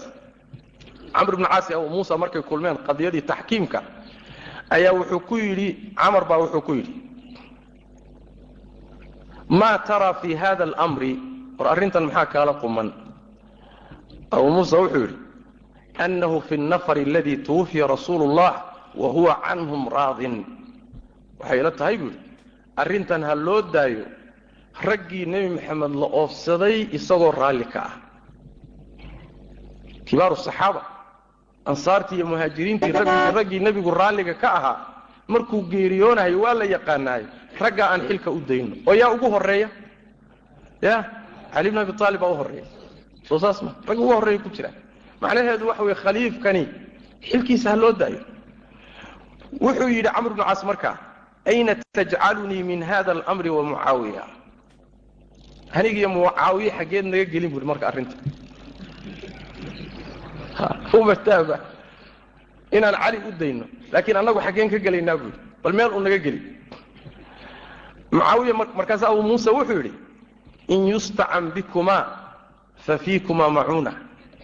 Wain yustaqna cankumaa faطaalama istaqnaa amru اllahi cankumaa kelimatu xakiim ah, haddii kaalmo laydinka baahdana hadde kaalmadaa dhiiba meeshii laydiin dhiibiyo xilkii laydiin dhiibiyo kaalmada gacan bixiya haddii laydinka kaaftoomana hadde in badan baa amarka ilaahay idinka kaaftoomay buuri soo ma haddii laydinka kaaftoodana dee dadkiina ka mid noqdo. Haddii uu ninkaa khaliifkii idinkaashado oona wixii kaalmee laydinka baahanya bixiya abuu muusa alashcari taladaasu soo jeediya taladaasi ma sugna inuu cumar camr bnu caas ku khilaafay. Warka murtihiisu muxuu noqonayaa waxay isku soo waafaqeen oo isla soo garteen. Cali waa khaliifkii muslimiinta iyaguna maba ridi karaan. Muslimiintaa doortay sooma muslimiinta xilka udhiibtay ahlulxalli walcaqdi baa udhiibtay laakiin in mucaawiye iyo raggan kaleeto arrintooda la dejiyo saasaa la isku waafaqay. Riwaayada u roonitaa iyadaa way macnaha. Ayib taa markii laysku waafaqay taxkiimkaasi markii laysku waafaqay waxa ay nimanka xakamkii keeneen oo soo gudbiyeen ha la kala laabto oo ciidamada ha la kala celiyo dhiigga muslimiintana ha la badbaadiyo halkaasuu cali bn abi aalib radi allahu tacala canhu ka soo laabtay caasimadii kuufa abuu ku soo noqday mucaawiyat bn abi sufyaanna dib buu ciidankiisii ula noqday halkaasaa marka lagu soo kala laabtay. Markii la kala laabtay maxaa dhacay w aadaanka kadib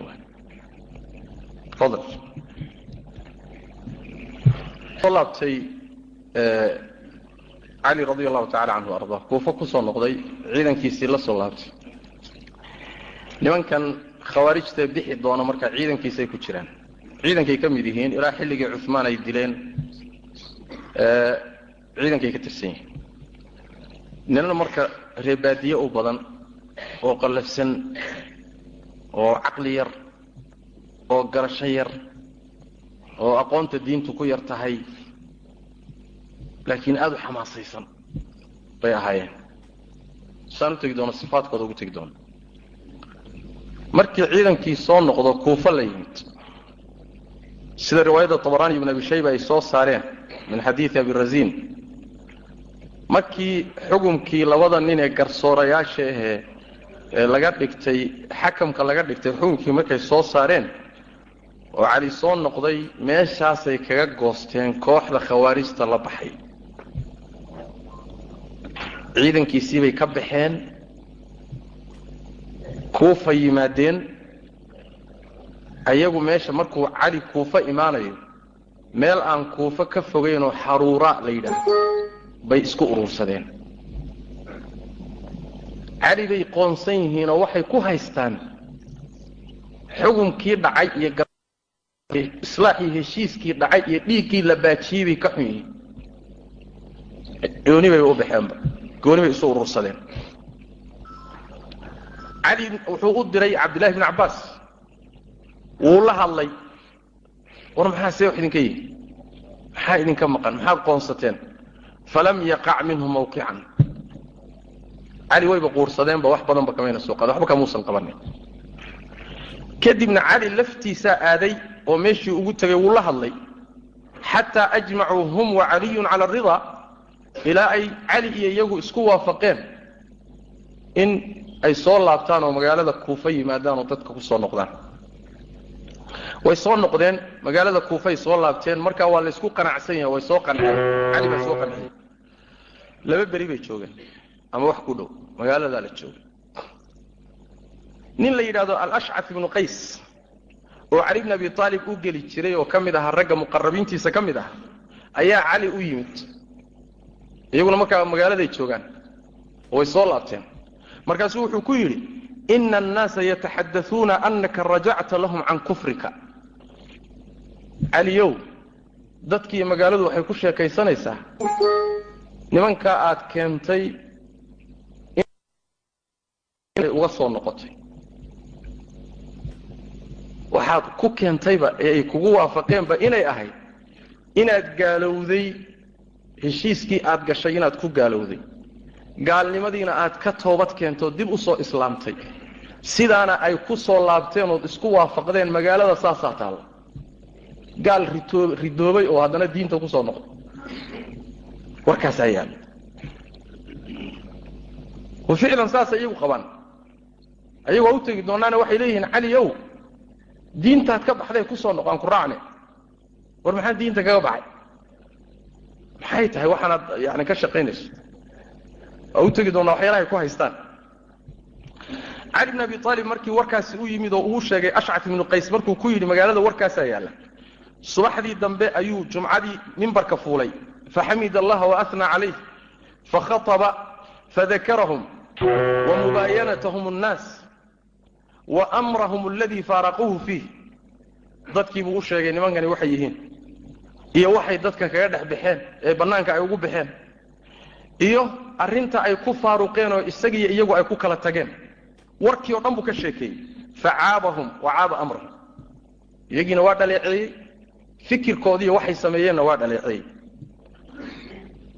mimbarka markuu cali ka soo degay riwaayad qaarna waxay leeyihiin isagoo weliba mimbarkii saaran ayay tanaadow min nawaaxi lmasjid masaajidka dhinacyadiisa isaga dhawaaqeen ilaan xaggay qaar joogaan xaggay qaar waa dhegaysanayaan waa laysu dhadhawaaqay marka. Maxaa la leeyahay? Laa xukma ila lilah laa xukma ila lilah laa xukma ila lilah baa la leeyahay. Xukumka ilaahay baa iska leh. Maxay tahay ragga aad xukumka u dhiibtay waxay ka xun yihiinoo xukumka ku tilmaamayaan tafaasiisha waa u tegi doonaaye. Nimankan aad tidhi soo kala xukuma muslimiintan dhiiggoodu daadanayo eed xilka u dhiibtay baad kitaabkii ilaahay intaad ku socon lahayd baad ra'yigooda hormarisa marka xukumka ilaahay baa iska leh rag ma laha cali xaqii xaggay ka dhawaaqaya masaajidka dhexdiisa. Cali radia allahu tacala canhu wuxuu ku yidhi riwaayadka qaarkood siday tilmaamayaan ibn abi shayba bisnaadin xasan wuxuu leeyahay wuxuu ku yidhi nacam laa xukma ila lilah kelimatu xaqin yubtagaa biha bail xukmu llahi yuntadaru fiikum. Waa sax buuri kelimada xukunka ilaahay unbaa iska leh. Waa kelimo saxsan buuri laakiin ujeeddo xun baad ka wadataan waay. Baail baad u deliishanaysaan maxay u deliishanayaan masale waajib ahayd oo sharci ahayd oo dhiigga muslimiinta in la baajiyo ahayd. Taasay kula dagaalamayaan. Laa xukma ila lilah laa xukma ila lilah maxay tahay? Dhiiggu ha socdo waay muslimiintu ha isku baabi'een waay war kelimadu waa sax. In ilxukmu ila lilah waa sax. Laakiin meeshaad saaraysaan iyo ciddaad u deliishanaysaan iyo qasadka ad u wadataan waa khaldanya yubtagaa biha bail markaasu wuxuu ku yidhi xukumka ilaahay yaan sugi buu yidhi. Ilaahay tabaaraka wa wuxuu idinku sameeyey xukumkiisa ayaan sugi buu waa idin fiirin doonaa. Marka wuu fadhiisiinhayaa xaggii xaggay ka qeyli waa fawdo waa fawdo war fadhiista. Gacantuusaa leeyahy ila wuu taagan yahay war fadhiista. War fadhiista waa aamusiinhayaa ilaa uu markii dambe nin baa intuu horay u soo kacay buu u yimid cali. Markaasuu dhagaha faraha gashay. Labaha dhow intuu faraha geliyeybu wuxuu ku yidhi walaqad uuxiya ilayka waila aladiina min qablika lain ashrakta layaxbaطanna camaluka walatakuunanna min alkhaasiriin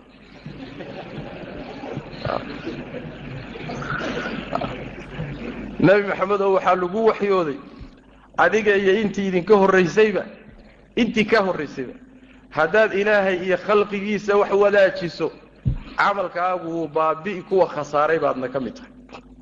Yuu aayaddaa dul saarhaya? Cali buu ku wada mushrik baad tahay camalkaagiina waa hoobtay waay. Sooma u fiirsada waxaan u tegi doonaa dhaqanka khawaarijta inuu ka mid yahay iyo sifaadkooda nusuusta oo meesheedii meelaan ahayn la saaro. Manhajulistidlaal baa ka khariban. Tansiilkooduna waa khariban yahay. Waxaan u tegi doonnaa inay sifaadkooda ka mid tahay aayadihii gaalada ku soo degay oo muslimiinta la saarayo. Amiladeedaan ku soo celin doonnaa insha allahu tacala markaan gaadhno cali bn abi aalib markuu warkaa ku akriyay wuxuu yidhi fasbir isaguna aayadan u akhriyey fasbir ina wacd allahi xaqun walaa yastakifannaka aladiina laa yuuqinuun sabir. Xaqa ilaahay ama ballanta alle iyo wacdigiisu waa xaq kuwa aan waxba garanayninee yaqiinta aan lahayn ayayna ku fududaysanin waa jawaabtiisa waa. Yaqiin iyo iimaantoona ma lihid. Ifududaysan maysid waa laakiin sabir bay arrinta u baahantay caaqibadeeda iyo warkeeda waa sugi doonaa arrintaasaa ninkaa iyo buuqaa iyo qayladaa iyo markay abuureen haddana way tageenoo waxay ku noqdeen meeshoodii ciidamadii urursadeen halhal bay u baxeen. Iyadoon magaaladii laga warhaynin waalidkii iyo carruurtii bay kaxaysteen daa'irtii bay kaxaysteen dadkii bay hoos ka sasabteen nin nin bay u baxeen. Meel ay ku ballameen bay isugu tageen. Ciidan badan iyagu meesha markay isugu tageen kadib xaakim wuxuu wariyey bisanadihi ilaa cabdillahi bni shadaad ibn lhaad wuxuu leeyahay cabdillahi bni shadaad caaishaan u imid buu yidhi annagoo la fadhina markay ciraaq ay ka soo noqday ka soo noqotay. Layaali quutila caliy habeenadii cali lala dagaalamay. Ayaan caaisha u imid buirti markaasaa waxay tidhi yaa cabdallahi bni shadaad hal anta saadiqii camaa as'aluka canhu? Cabdullahi bni shadaadow run ma iiga sheegi oo run ma ii sheegi wixii aan ku warsado. Xadinii can haulaai alqowm aladiina qatalahum caliyun. Waa markii dagaalka khawaarijtii cali dhex maray kadib. Nimankaa cali laayey bal iiga warran bay tidhi. Markaasaa wuxuu yidhi shadaad cabdullahi bnu shadaad wamaa lii laa wamaa lii laa asdiqiki maxaanan run kuugu sheegayni markaasaa waxay tidhi faxadinii can qisatihim bal qisadooda iiga warrama see wax u dhaceen. Wuxuu ku yidhi cali iyo mucaawiya markay laba nin saareen oo ay iswaafaqeen oo xugum soo saareen calina uu laabtay. Ayaa waxaa ka go'ay siddeed kun oo min quraa'i innaas nimankii qur'aanka akhrin jiray ah. Waxay caan ku ahaayeen. Nimankaasi qur'aanka iyo iyaga lama kala dhex mari jira akhrintiisa iyo muxuu ahay lafdigiisa iyo siday u toosinayaan iyo siday ugu dadaalayaan. Waxaaba loo yaqaanayba alqura baa loo yaqaanay alqura nimankaasaa ka go'ay bay tii yuu yidhi markaasaa waxay degeen meel kuufo agteeda oo xaruuraa la yidhahda cali bn abi aalib baa waxay ku qoonsadeen arrimo dhowr ah. Waa kuwa arrimahay ku qoonsadeen bal u fiirsada. Waxay ku yidhahdeen kow caliyow insalakta min qamiisin albasakahu allahu wa asmaaka bihi uma inطalaqta faxakamta fi diin illah walaa xukma ila lilah caliyow waxaan kugu haysanaa oo aanu u aragnaa inaad ku gaalowday kow qamiis ilaahay kuu geliyey baad iska siibtay bay dheh oo ilaahay kugu magacaabay diintii ilaahayna rag ra'yigood baad u dhiibtay rag baa tidhi ka taliya cali markuu soo gaadhay warkii waxay ku haystaan iyo waxay ku eedaynayaan iyo inay ka dhexbaxeen ayuu marka magaalada wuxuu iclaamiyey. Iclaan hala bixiya buuri laa yadkulanna cala amiiri اlmu'miniina ila rajulu qad xamala qur'aan. Amiirka mu'miniintu maanta dad khaasuu la kulmi rabaa. Ragga qur'aanka xambaarsan uun. Waa nimankii ugu jibirjaansanaa waay qur'aankii waa xambaarsan yihiin oo qur'aanka weliba waxaa u dheer waxaan caadi ahayn inaan u tegi doonno laakiin waa iyaga dhan waa wada khariban yihiin nin qur'aan xambaarsan ninaan ahayn maanta yuusan u soo gelin amiirka mu'miniinta ayagii baa soo ururay gurigii baa tif noqday. Cali bn abi aalib markiiba wuxuu u yeedhay misxaf ha la ii keena buui misxaf weyn baa loo keenay kitaab qur'aan oo weyn fawadacahu caliyun bayna yadayhi fatafiqa yasukhu biyadihi. Cali misxafku intuu is hordhigay buu wuxuu bilaabay inuu gacanta ku garaaco misxafkii oo uu yidhahda ayuha almisxaf xadi innaas wada fadhiya way dhegaysanaya war kitaab iyo how dadka wax u sheeg. Kitaabkiibuu yuu dharbaaxaya oo uu leeyahay kitaab iyo hadal maxaad u aamusantaha dadka wax u sheeg la hadal dadka. Markaasaa waxay yidhahdeen dan buu ka leeyahy markaasay dadkii u dhawaaqeen oo waxay yidhahdeen yaa amiira almu'miniin maa tas'alhu canhu maxaad ka weydiin bay dhaheen innamaa huwa waraqun wa midaadun waa waraaqo iyo uun khad eh. Hadal oo dadka la hadal maxay tahay? Maxaad ula jeedaa warkaa isaga? Markaasaa wuxuu yidhi waxay yidhahdeen weliba wanaxnu natakalamu bima ra'aynaahu minhu fama turiid bay dhaheen. Kitaabku wuxuu ku hadlaa ciddii aragtadee akhriday baa ka turjumta annaga waxaanu ku aragnay ka fahanay ka turjumna laakiin kitaabku waa waraaqo iyo wax ku qoran iyo khad waay see buu u hadlay maxaad ka wada arrinta iyada markaasaa wuxuu yidhi asxaabukum aladiina kharajuu baynahum baynii wa kitaab ullah raggan baxay. Aniy annaga iyo iyaga kitaabka ilahay baana dhex yaal aan ku kala baxno. Saddexdii qodobay ku haysteen buu marka galay. Ilaan arrimaha ay ku haystaanay ku gaalaysiinayaan u ogyahay.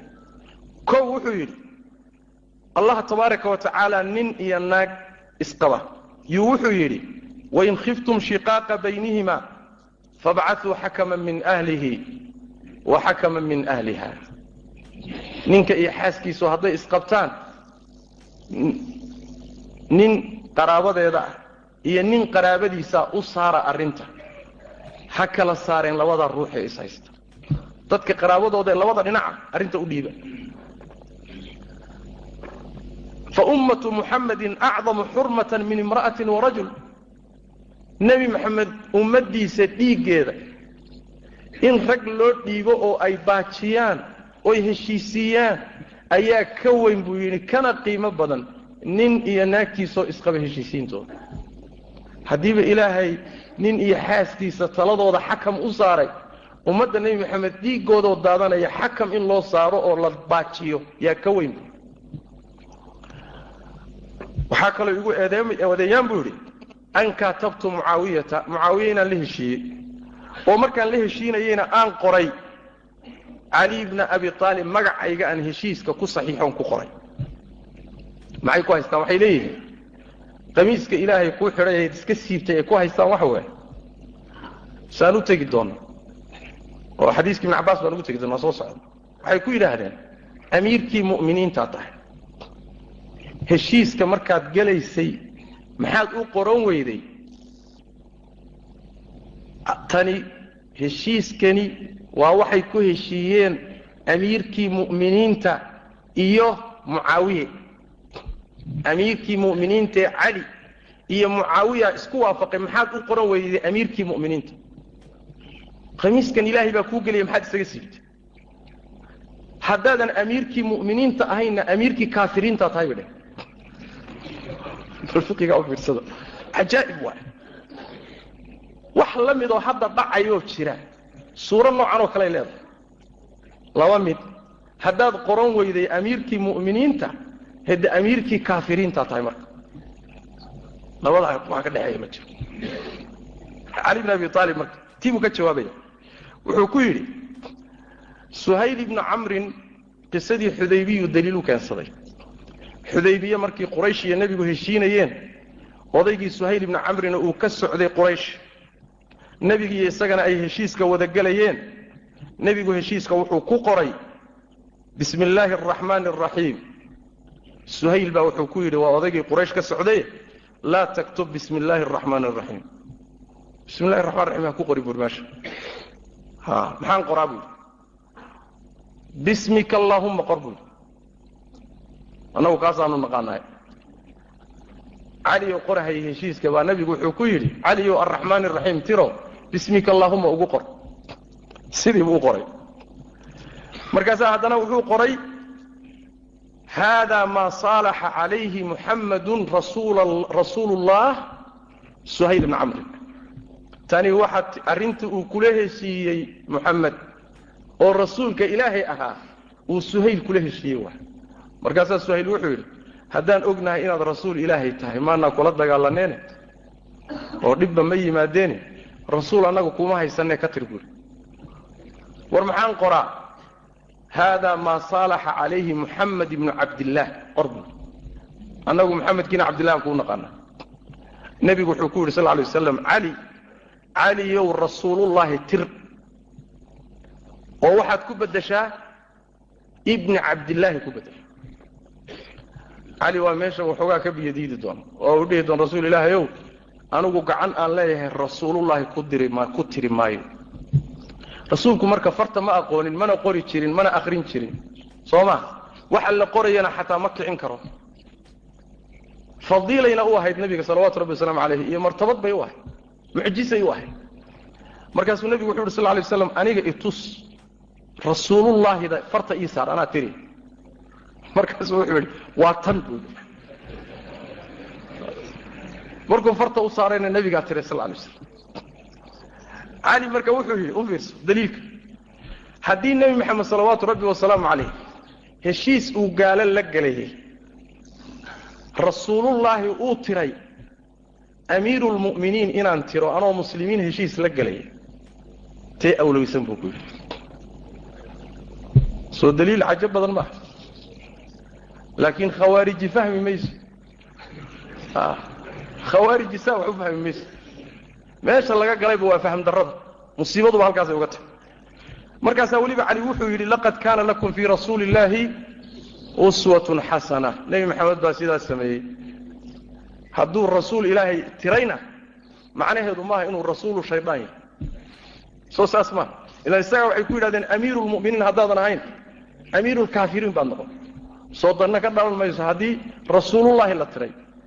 Rasuulu shaydaan baa soo bixi soo marka waa fiqhi wada maqluuط waay waa wax wada dabagedisan waay ta saddexaad intaa markii uu ku yidhi cali bn abi aalibin radi allahu tacaala canhu wuxuu u diray markaa kadib waxaan u jeedaa waxaa soo baxay. Warkii ila nimankii waa jawaabi waayeenoo wixii oo dhan adilu u keenay waa ka bixi kari waayeen nin la yidhahdo ibnulkawa oo odaygooda ahaayo markaa madax u ahaa baa markaa soo baxay. Khudbuu marka u jeedinhayaa nimankii jufaadda meesha taagan buu hadal u jeedinaya. Wuxuu ku yidhi yaa xamalata alqur'aan. Cali bn abi aalib wuxuu soo diray cabdillahi bn cabbaas. Waa mar kale. Cabdullahi baa marka u yimid. Cabdullaahi buu rabaa inuu ka hor istaago inuu dadkan wax u sheego. Ilaan musiibada firaqdan haysataa waxay tahay. Iyaga unbaa raba inay dadkooda wax ku shubaan soomali cid kale wax ka yimid inuu soo gaadho way ka xajirinayaan iyaga unay meel ugu xidhnaadaan bay rabaan. Soo ma? Oy meel ugu qufalaadaan furahana ay kala tagaan. Marka waa musiibada khawaarijta wa cali bn abi aalib markuu ku soo baxay ayuu ninka ibnulkawa wuxuu yidhi yaa xamalata alqur'aan ina hada cabdullahi bnu cabbaas faman lam yakun yacrifuhu faana acrifuhu min kitaab illah buui ninkan cabdullahi bnu cabbaas baa la dhaha buui ninkaan aqooninowna anaa aqaana buui kitaab ilahi baan ka aqaana kitaab ilahi baan ku aqaanaa hada man nazla fiihi qawluhu bal hum qawmun khasimuun. Kan waa ninkay ku soo degtay buu yidhi bal hum qawmun khasimuun waa dad dood badan oo muran badan. Oyay yihiin quraysh baa laga hadlaya gaaladii quraysheed baa laga hadlaya soo ma nabiyullaahi muxuu ahaayey markii nabiyullaahi ciisa laga hadlayay macnaha iyo doodoodii murankoodi aayaddaasuu saaro wuxuu yidhi ninkani waa dadkii muranka badnaa ee dooda badnaa. Farudduuhu ilaa saaxibihi walaa tuwaadicuuhu kitaab allahi buui meeshuu ka yimid ha lagu celiyo kitaab ilahina yaan lagala murmin buui ninku waa qajajaclo oo muran badan nin laga lug bixi kara maaha. Waaba nimankii ilaahay saa ku sheegay ninkaa yaan muran loo furin kitaabna yaan lagala doodin. Meeshiu ka yimid ha lagu celiyo haye wuxuu rabaa ninkani fahmo inay dadku u xidhxidhnaadaan rag kaloo meesha joogay oo raggoodii hadli jiray ka mid ah soo waxay idhahdeen laa wallah lanuwaadicannahu kitaab allah. Faida jaءa biاlxaqi nacrifuhu istaطacna walain jaءa biاlbaطili lanubkitanahu bibaطilihi bay dheheen walanarudanahu ilaa saaxibihi. Maya bay dheheen waryaa inu ka waad khaldantaaye waanu la doodaynaa. Kitaab ilaahay baanu kula doodaynaa annaga maana la harawsana iska celinayna hadduu xaq la yimaado aanu fahmi karnana waa qaadanaynaa hadduu baatil la yimaadana madaxaan kaga garaacayna bay dheheen markaasaanu ku celinaynaa meeshuu ka yimi ha. Saddex beri baa marka la doodahay oo la murmay riwaayadana say leedahay. Saddex beri markuu la doodayo doodda iyadoo dheer baa darsigeenna dambe ku imaan doontaa. Cali bni cabbaas uu la gale wuu qanciyey badankood xataa ninkiidi ra'iiska ahaa ee ibnulkawa ahaa ee bal hum qawmun khasimuuna ku dul akhriyahaya buu soo qanciyey. Ilan meesha waxba laguma haynin. Dad wax magaradaa meesha lagu urursaday waxba meesha laguma haynin. In ilxukmu ila lilah iyo laa xukma ila lilah iyo intaa unbaa lagu hoos nooliyay wax fiqhi iyo diini ma jirto. Munaadaradii markii la galayba khalaas jawaabtii waa la bixin waayey intoodii ilahay khayr ugu talagalay waa soo hanuunay. Marka wuxuu ku yidhi markay yimaadeen cali bin abi aalib wuxuu ku yidhi arrintu hadday saa u dhacday oo ay yimaadeen qaarna hadheen. Qaarkii hadhay baa wuxuu ku yidhi arrinkeennu inta ummaddu ka kulmayso meeshaad doonaan doontaanna aad ka degaysaan dhulkiina iska jooga warmahanaga waa idinka ilaalinayna idinma dilayno idinlamana dagaalamayno haddaydaan jid goynin dhiigna daadin. Haddaadse sidaas samaysaan waan idiin tuuraynaa ballanta dagaal baana idinla gelaynaa. Ku talagala ina allaha laa yuxibu alkhaa'iniin. Intaasay cali iyagu ku kala tageen. Xadiidku marka caaisha u dhacaya soo ma? Xadiidka qisada waxaa loo warramayaa. Caaisha oo cabdullahi ibnu shadaad baa qisada u wada oo caaisha u warramaya. Caaisha marka waxay tidhi ibnu shadaadow nimankaasi markay sameeyeen cali waa laayay soo maa haawid laakiin intuusan laynin dad badan buu u diray wuu dadaalay.